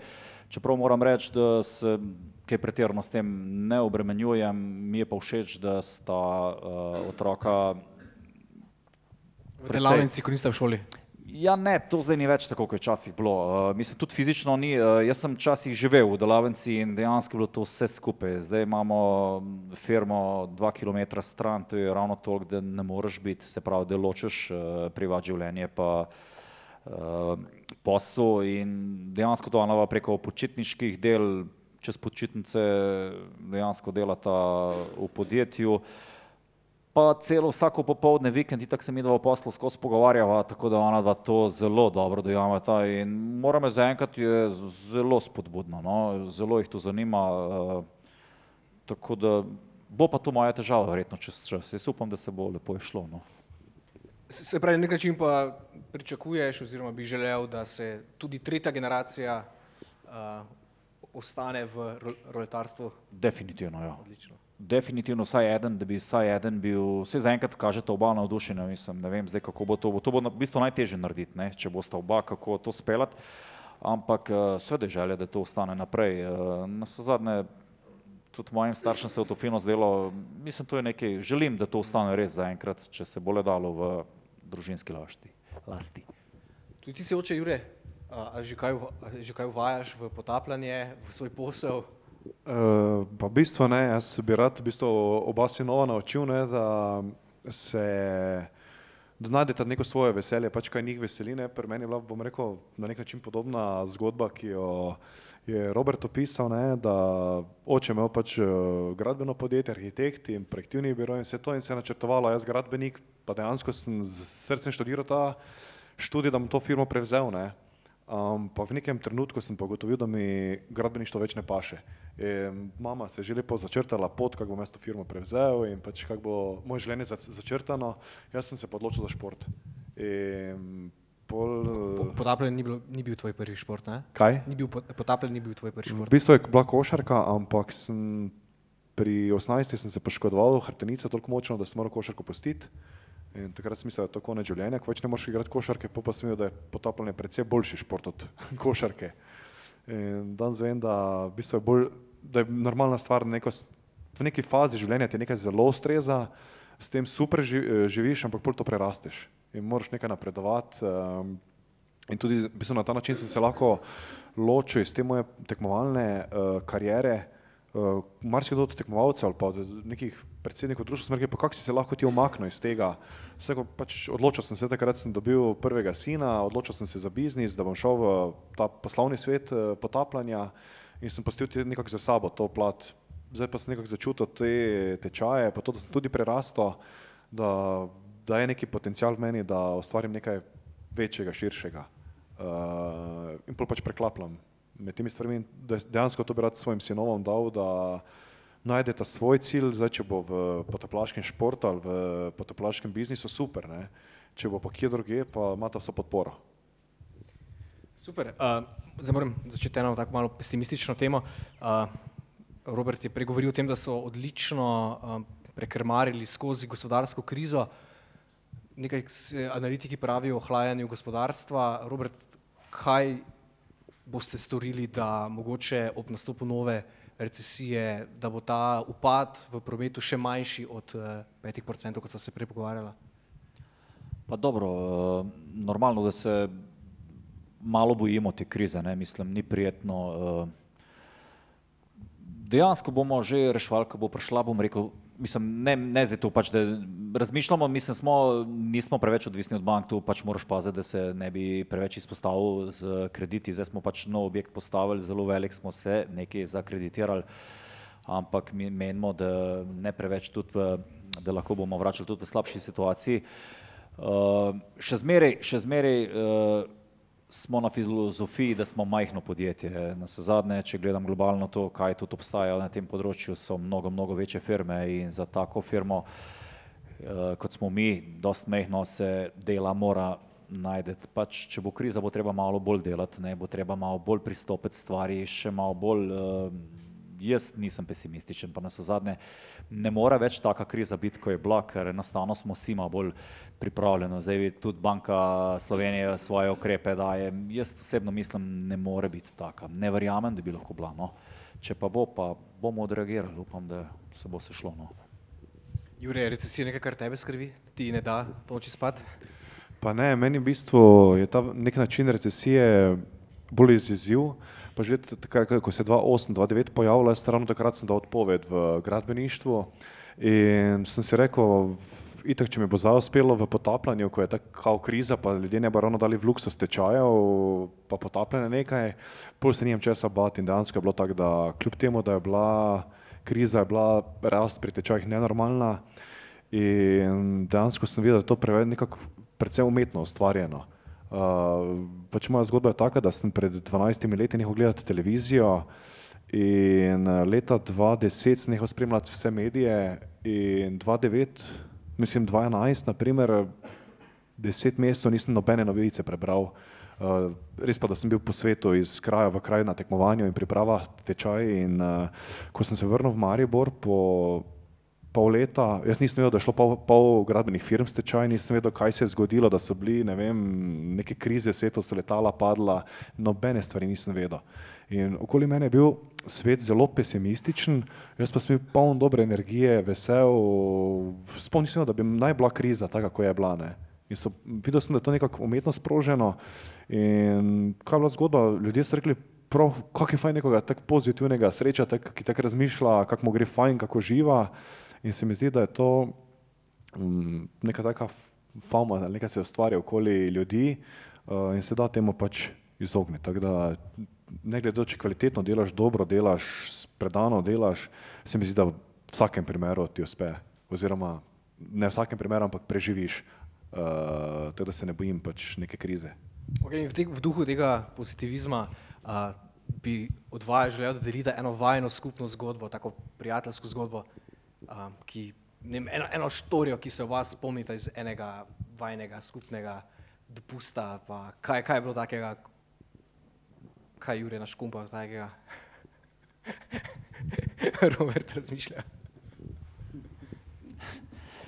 Um, ne, da še tisto malo influencer malo razložim. Ne, to isto, vsi ga gledamo, kakšno ribo ujame, zmeraj, vsi gledamo, kakšno puško uporablja in jaz tudi ne morem, če kaj ne morem pozabiti, ne morem pozabiti, kakšno ribo je ujel, ko smo na Palagruži 50 kilskega gofa, ko je prevlekel ven. To, tek, to ne moreš, to je bila riba večja kot riba, ti. ko si rekel, je bila, To je bila riba večja kot ti.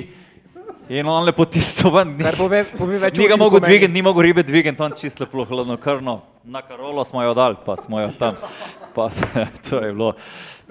Definitivno se ta gof me ta prvka na njega se spomnim. In pa smo seveda tiste koline, ki smo jih imeli. Imel sem nov japonski nož, nov japonski nož, ki mi ga je na tistem gofu skrhal, je, ampak res je bilo vredno. To je bilo doživetje nepozabno. Zakaj nismo, nismo še povedali tega, da si ti dejansko kuharski del tega dvojca, ne? Ja, mi dva eh, z Juretem pa seveda, jaz sem bil pri njemu na tečaju, uh, potem smo se pa, me je Jure povabil, je imel neke prosto mesto na Palagruži, ali smo te celo, smo se nekaj, da gremo, pa še Alen, bili smo tam, smo šli trije, smo šli, ne vem, kako smo se dobro, smo šli na Palagružo, na kakšen način, uh, tu je Palagruža, kdo ne ve, je en najbolj oddaljenih, najbolj oddaljen hrvaški otok, Uh, zakaj je meni všeč, tam ni nobenega signala. In mi to s familijo smo šest let zapored šli uh, na ta otok, ker je tudi otroci nimajo Wi-Fi-ja, mobitel jim je neuporaben in to je, to je tako doživetje, nisi dosegljiv, mogoče signal pride, čeprav zadnja leta že malo bolj pogosto dobiš tako mogoče za ne pol ure signala na dan, da še en message pride. In to smo z Juretom pač uh, šli, jaz sem bil že tudi predtem na Palagruži in pol z Juretom je brez veze ribe loviti, mislim, pač, kaj češ biti tam ribič, ti prineseš tako, on pa 50 kilsko, vene. In potem se jaz lotim kuhinje in sem pa uživam v kuhinji in potem, ker je surovina res prva klase, to so potem sašimi, to se je surove školke, ma to, to res, to je, to je perverzija, jetrca, ribja jetrca, ne vem, če ste že, to, to se je, to je perfektno. V glavnem, pa se življamo tam, jaz sem res uživam v kuhinji, Jure je pa snemalec, pa ribička, to pa vse dobavi. Jure, prej si govoril o enem videu, ki že ima nek kultni status v, v tem jadranskem delu. Ja, v bistvu je v tej uh, potaplaški sceni oziroma sceni podvodnega ribolova za Jadransko morje postal neki najbolj kulten video posnetek, uh, kaj pa Lagruža Spearfisherman's Dream, ko smo bila skupaj leta 2017, v bistvu ne tri leta smo skupaj hodila na Palagružu na dopust in tisto je bilo res nenormalno od teh ulovov nenormalnih in kaj je uh, Robi z teh rib pripravljal, dobrote, uh, In dejansko to so taki pogovori, kaj bomo pa danes, kaj bojo jastogi, rarogi, ali zobatec, ali bomo školke. Ono, pred ribolovom se pogovarjamo, kaj bi danes jedli. In Robe zna res pripravljati mojstrovine, mojster uh, dobrot. Uh, jaz pa z največjim veseljem to vem prenesem, kaj bi on rabo. In dejansko v tem svetu podnebja ribolova se je pojavil neki tak, uh, rekel, vsi poznajo ta video in kamorkoli pridem, vsak mi omeni ta video. In ravno, ne vem, danes sem dobil komentar na YouTubu, sem videl ponovno, ne vem, ono, to ti je pornič, ko so pogledali ta video. Tako da ne vem, pogledajte pa Lagruža, Spearfishman's Dream, pa boste videli, pač, kaj je Robi pripravljal, kaj sem slovil, bo, bo vam jasno postalo. Hedonizem na kvadrat. Jaz si uh, moram uh, nekaj si včasih štejem, da sem uh, tudi Jurotovo vedenje na uh, ribiško spremenil, ker on je, pridemo videl na Palagružo, on eno vrečko čokoladic, CD-vite, ajmo loviti zjutraj, zvečer pridemo nazaj. In cel dan načelno sem tiste čokoladke, CD-vita, voda, sonce. Jaz večer sem rekel, jaz gotovo, jaz jutri ne grem več. Ne grem več. In sta šla sama da loviti, jaz lepo v kuhno, pripravim kosilo, sem rekel, prita pa saj za kosilo. Ne. In dejansko sta se res tisti dan se je prekinulo in ona prijeta na kosilo, juhica skuhana, tam ne vem, kaj smo, ne vem, nekaj je bilo že kaj. V glavnem, Jure Pavlo gotovi, pa se srednjeva res ni ripej. Kaj pa če bi mi in dejansko takrat naprej Jure srednjeva pauzo dela. V glavnem, saj napala groži, če ne vem kako druge in srednjeva je počitek, kosilo, uh, spanje, kar prej, pa to je bilo noro. To sem gledal posnetke, to so od jutra do večera na tistih čokoladah. Uh, in nobenega, nobenega užitka, nobenega užitka, jaz sem pa tomu mal, da si začel pa tudi uživati v tem ribolovu. No. Se pravi, tudi si moment, ko tečajnik nekaj tudi mojstra nauči, ne? ja, to dejansko sem to navadil, da robja prevzel, ne, ampak uh, ja, meni je to užitek, ne, od šeste zjutraj pa do mraka biti v vodi uh, in zvečer, ko odpreš hladilnik, poješ vse, kaj je v hladilniku. Dejansko telo je izčrpano do do zadnjega atoma in na ta način lovim s temi hrvaškimi prvokategorniki. In njim je to način preživljanja, meni je pa to hobi. In biti od jutra do večera v vodi mi in službeno in privat postalo nekako normalno, je pa dosti večji užitek, ko prakticiram za ta njegov način. Zjutraj za dve, tri ure v vodo, nalovim si več kot dovolj kosilo, počitek, zvečer še kakšna ponovadi kapitalna riba pade, ker so ravno te večerne ure zopet zanimive.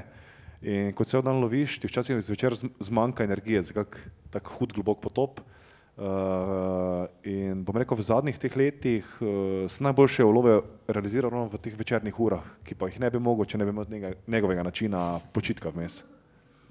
Tako da je tudi pripomoril k marsikateri kapitalni ribi. Ok, uh, preden se poslovimo z zadnjo serijo vprašanj, z enim takim zelo akcijskim nasvetom za, za udeležence, uh, pa se še obračam se prej v drugi krok vprašanj z publike. Zadnja priložnost za vprašanje, to. Ja. Mi smo tako full retro, tako da imamo v bistvu zdaj spet mikrofone na kablu. Ne? Uh, ja. uh, za Roberta, uh, kera je metoda vodenja ali pa menedžiranja uh, firme pa zaposlenih, ki bi rekli, da ni običajna za ostale podjetnike? Vaša.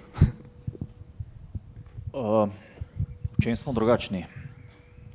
Uh, mogoče je, uh, smo mi drugačni v tem, da nočemo naša, bom rekel, uh, osnovna sredstva, bom rekel, optimalno izkoristiti, kar pomeni, če je tukaj velik kapital od zadaj, če vlagajo v osnovna sredstva, ker mislimo tle strojno opremo, hočejo, da je to maksimalno izkoriščeno, kar pomeni uh, trojizmansko delo, kar pomeni, da čim več stroj mora čim manj stati, pa čim več delati. Ne. Uh, mi smo dali to, kar sem že prej povedal, v, uh, ne v prvi plan. Dejansko mi smo šli v nove poslovne prostore, zaradi tega, ker nismo mogli več v enoizmenskem delu uh, narediti dovolj proizvodov in smo šli v nove prostore, večjo, večjo investicijo, sem zaradi tega, da bomo spet lahko nekaj naslednjih let delali enoizmensko. Jaz mislim, da se mogoče tle najbolj razlikujem.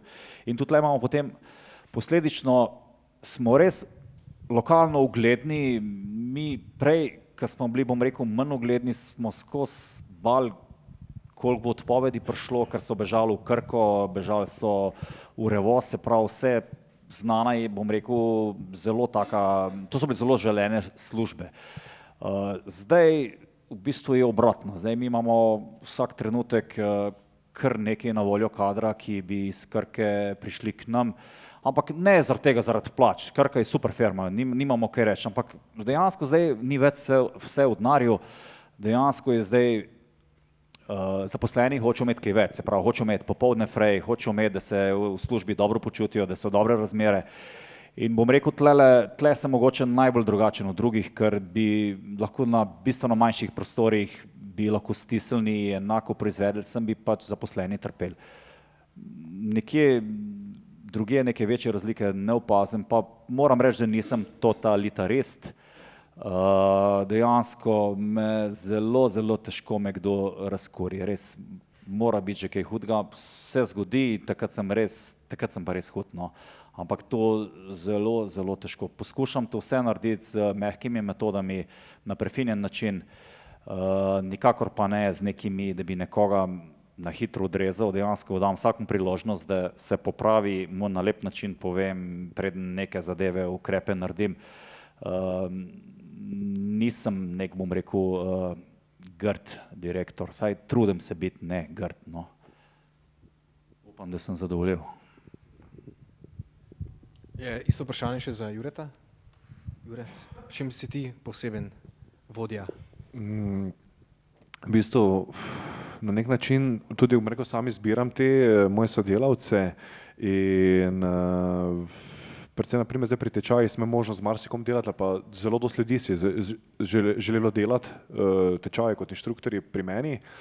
In vedno si izbiram ljudi, nekak, ki smo si zelo blizu v karakteru, da sem z njimi kolega, ko konča šiht, ko oddelamo svoje, da gremo z veseljem skupaj na pivo, da smo da, družba in da smo ljudje nekako blizu. In, uh, dejansko sovražim vse igrice, neke preigravanja, zahrbtnost, eh, vse take osebnosti pri ljudeh sovražim in si izbiram ljudi okoli sebe, ki so podobni meni.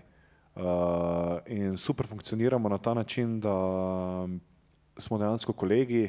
Je pa res, da ko si rekel, v tako manjš, manjšem krogu lažje nekoga tako najti, ko, pa, ko imaš 200 delavcev, je to iluzija.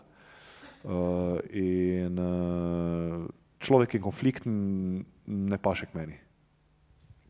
Cool. Uh, še kakšno vprašanje? V prvi vrsti, Karmen, za tvojim hrbtom. Eno vprašanje za Roberta. Vi kot uh, podjetnik, poslovnež, uh, uh, glede na to, da, ste, uh, da se je podjetje tako razvilo, kot tudi prihodki pa kapital, če vlagate tudi v um, kakšne druge um, nove posle, priložnosti, ki niso v povezavi z vašo prvotno dejavnostjo, pa tudi če eh, ciljate na te druge pasivne prihodke kot, eh, kot, poslovne, kot dobre poslovne priložnosti, ali se samo striktno držite tega vašega prvotnega posla? Hvala za to res dobro vprašanje, ker to sem pozabil povedati.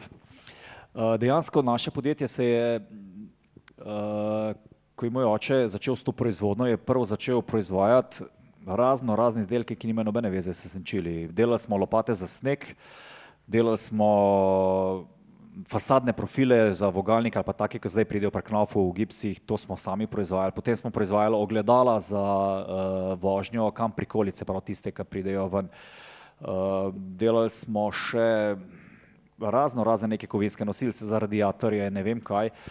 In ena od mojih prvih zadev je bila, da sem to zadevo počistil. To so čist različni marketingi, so čist različni in ti ne moreš istočasno prodajati senčila in to moraš imeti različne marketinške ljudi, ki grejo enkrat lopato, pa žalozija ne more prodajati naenkrat. In jaz sem tle, nisem videl, jaz sem to, to sem počistil. Moram pa reči, da zdaj nekih takih projektov ne razmišljamo o tem, čeprav se nam je pa čist nehote pa zgodilo ta športni center in ki smo ga dve let nazaj odprli, ki je namenjen dejansko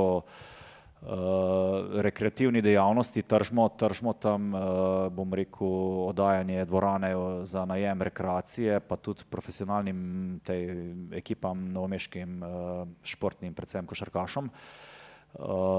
To, to tle smo majčkeno zašli, ampak je bila zgodba taka, da smo imeli en neuporabno skladiščne prostore na drugi strani mesta, smo poskušali, kaj bi tam naredili, imeli smo najemnika noter, uh, ki nam je na koncu dvajset tisoč evrov ostal dolžan, šel v stečaj, uh, potem smo pa čakali dovoljenja za te zgradbo, ki imamo zdaj že noter, mislim, kateri smo že zdaj noter. Uh, imeli smo lastnih sredstev dovolj in smo rekli, dajmo mi to podrt skladišče in dajmo nekaj zgraditi velikega, v tistem sem pa rekel, pa mogoče bi pa naredil, ker Novo mesto kronično pomanjkuje športnih dvoran, uh, pa bazenov, imam še dve minute? Ja.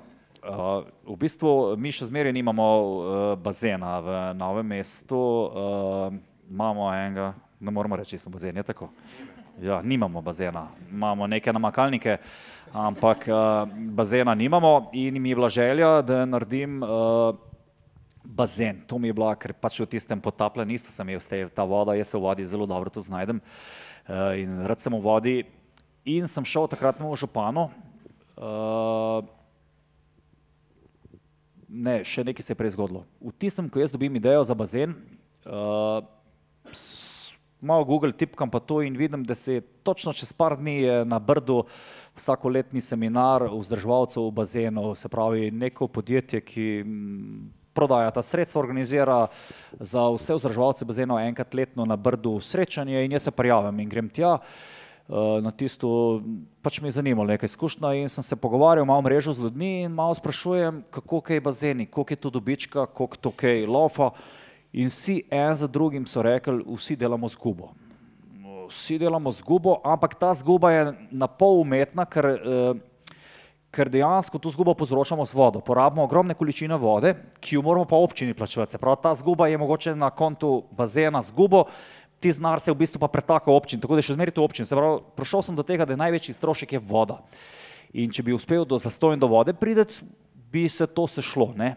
Uh, in grem jaz do takratnega župana uh, s svojo idejo, sem rekel, glej, uh, takrat sva bila na ti, ke sva na nekem seminarju hodila skupaj, čeprav je precej starejši od mene je bil, je zdaj že pokojni, uh, smo bila na nekem izobraževanju skupaj in smo bila na ti.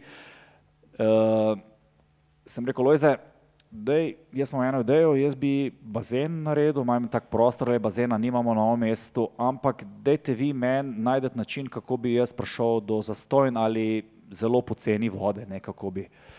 In me je zelo hitro odslovil, je rekel, glej, Robi, zgodba je končana, mi imamo že vse načrte za bazen narejene, mi imamo že zbranih sedemsto tisoč evrov, društvo Yoga je zbralo, neki investitor iz tujine, vse je končana zgodba, dajmo se midva rajši kaj o našemu cvičku pomeniti pa to, ne, in in je, in me je odslovil, rekel, ne, mislim, zgodba je končana, bazen bo drugo leto kao. Bil in jaz sem pol šel, sem rekel, okej, bazena ne bo, ker sem pač zavestno, da bom šel minus delat, mi je bilo pa neumno. Uh, bazena še zdaj nimamo, uh, v Novem mestu, to je bilo nazaj deset let recimo, ko sem se jaz pogovarjal. Uh, in potem sem rekel, okej, še zmeraj mi ima ta šport žulal, uh, in sem rekel, dajmo pa narediti tako, da bo ziher naredili smo uh, 50 metrov dolžine in v bistvu v velikosti rokometnega igrišča, dvorano, ki smo jo zastavili kot da bo skladišče. Se pravi, do zadnjega smo delali smo dejansko halo kot skladišče. In vmes, ko smo gradili, sem dobo že poln interesentov za najeme, tu iz avtomobilske industrije so hodili okrog, že pomagali neki pregradni, že neke ideje, že spreminjali pa to. Uh, in ok, sem rekel, le bomo šli kar v skladišče, bomo to naredili, pa dalo najem. Nakar mi povejo, da ja, pol, dva, in tu pol dvorane bi samo vzeli, dal bi ti 4000 na mesec. Sem spet rekel, kako bom s tem, ej. Uh, drugega resnega ni bilo in smo potem rekli, 200 tisoč evrov je bilo še dodatne investicije v športno opremo in smo se odločili in smo rekli, kar bo, bo. Uh, opremili z res odličnim parketom, uh, odličnim opremo noter in jesen, ko smo to odprli, smo jo napolnili takoj. Uh, moram reči, da še zmeraj tam ni bogatije, uh, imamo za amortizacijo, imamo za stroške, ampak mi ne povzroča nobenih skrbi, odlično ekipo tam, tako da smo res zadovoljni. Tako da to je mene pač uh, odneslo. Edina stvar, ki me je odpehnilo nekam drugam, ampak sem zadovoljen, da me je, ampak kaj vnaprej pa ne razmišljam, da bi nekaj podpiral zaenkrat. Uh, moramo vsa ta svoja sredstva nameniti, da te kredite poplačamo, ker smo si jih pač uh, zdaj s to gradnjo nakopali. Uh, tako da sporedni dejavnosti načeloma ne. Hvala, ker sem bil lahko dolg. To sta bili zelo kratki dve minuti. ne, pa bila super zgodba. Um, imamo še kakšno vprašanje? Zadnja priložnost? Ok, ne. Uh, potem pa, ne, kot, uh, kot rečeno, jaz rad zaključim te misli z enim takim zelo praktičnim nasvetom. Jure, ti boš začel. Um, kaj bi svetoval nekomu, ki bi rad svojo idejo dal iz predala, podjetniško idejo, kaj lahko stori, da bo se to zgodilo, kaj bi svetoval nekomu v takem začetku, res ti tvoje izkušnje je še sveža. Uh, je v bistvu, kaj se meni zdi nekako najbolj pomembno, uh, imeti nekako dovolj samozavesti, zaupati samemu sebi. Uh, bom rekel, moče večja napaka, nekaj ne, ne probati, pa doživeti neuspeh, pa se celo življenje učiti, potem ne vem, nisem probal. Tako da jaz, ko sem se lotil tega projekta, sem rekel, da je možno, da mi uspe, možno, da mi ne uspe, ampak moj vse to zadoščenje uh, poskusil sem. In uh, to bi svetoval vsem, ki imate neke dobre ideje, uh, zastaviti si nek dober projekt, uh, resno se ga lotiti in biti pripravljeni na neko garaško delo na začetku, dok se to ne uveljavi. Uh, uh, imeti dovolj zaupanja v sebe in samozavesti. Uh, to se mi zdi kar ključnega, ko se pomeni, ko se tega projekta lotiš, ker jaz imam naprimer neko ustaljeno, ustaljen prihodek, ustaljeno delo in omakniti se iz tega in se posvetiti nečemu drugemu je malo rizično sploh imaš ne, male otroke in moraš pač skrbeti za njih, ampak eh, se mi pa zdi to bolj pomembno, da si lahko, tudi če bo neuspeh, naprimer na dolgi rok rečem, probo sem pa pač dal vse od sebe, pa ni uspelo, je boljša pot, kot pa pametovati čez deset let, ja, to sem tudi vedel, pa pol nisem pač naredil, pa me ne do prehitev. Robert, za tebe pa vprašanje iz razvoja. Prej si rekel, da si ti tisti, ki si največkrat v vlogi tega, da presekaš ne, med rečem, razvojniki, ki bi razvijali v nedogled in marketingeri, ki bi radi, da se začne nekaj prodajati včeraj. Kdaj je pravi čas, kaj, ne, kaj bi lahko svetoval? Um... Kdaj je pravi čas? Uh, ne vem, če je formula za to, mislim. Treba, definitivno mora biti izdelek dosti dober, tako kot Jure že prej omenil. Ne sme biti preveč napak, mora biti, res mora biti zdaj, če si, mi si zdaj mogoče lahko kakšno napako prvoščimo, ker imamo širšo paleto izdelkov, pa je ta zga, ampak dejansko, če pa to tvoj prvi izdelek, uh, mora biti pa kar na začetku že dost visoko, uh, bom rekel, izdelan, uh, se pravi, da nisi tam na 80%, ampak da si saj na 95%. Je pa res, da je treba takrat pohiteti, pa se jih ne moreš dolgo z idejo čakati. Uh, jaz bi rekel, če na to malo, kar se na sveta tiče, odprej, uh, bi rekel, če gre za nek uh, izdelek, ne, nov izdelek, uh, ki bi ga rad nekdo seglih, mora, mora sam videti pri tem izdelku, da je uporaben, pa da ima prednosti pred nečim, ker že obstaja. Ne. Če, če ne prepoznaš, pa mogoče potem potem sigurno, če to vidiš, da je tvoj izdelek, da ima prednost pred nekim enakim izdelkom, potem samo gas. Ne. Če gre pa za storitev, eh, potem pa gas takoj, brez razmišljanja. Ja. Takoj štarta, takoj začeti. Super, hvala vam za te nasvete. Uh, to je to z naše strani danes. Uh, na svojih sedežih imate kot vedno ocenjevane liste, dajte nam svoje mnenje, uh, koga bi še radi videli, da ga gostimo tukaj na našem kavču. Sicer pa lepo se imejte, se vidimo čez 14 dni. Hvala gostoma.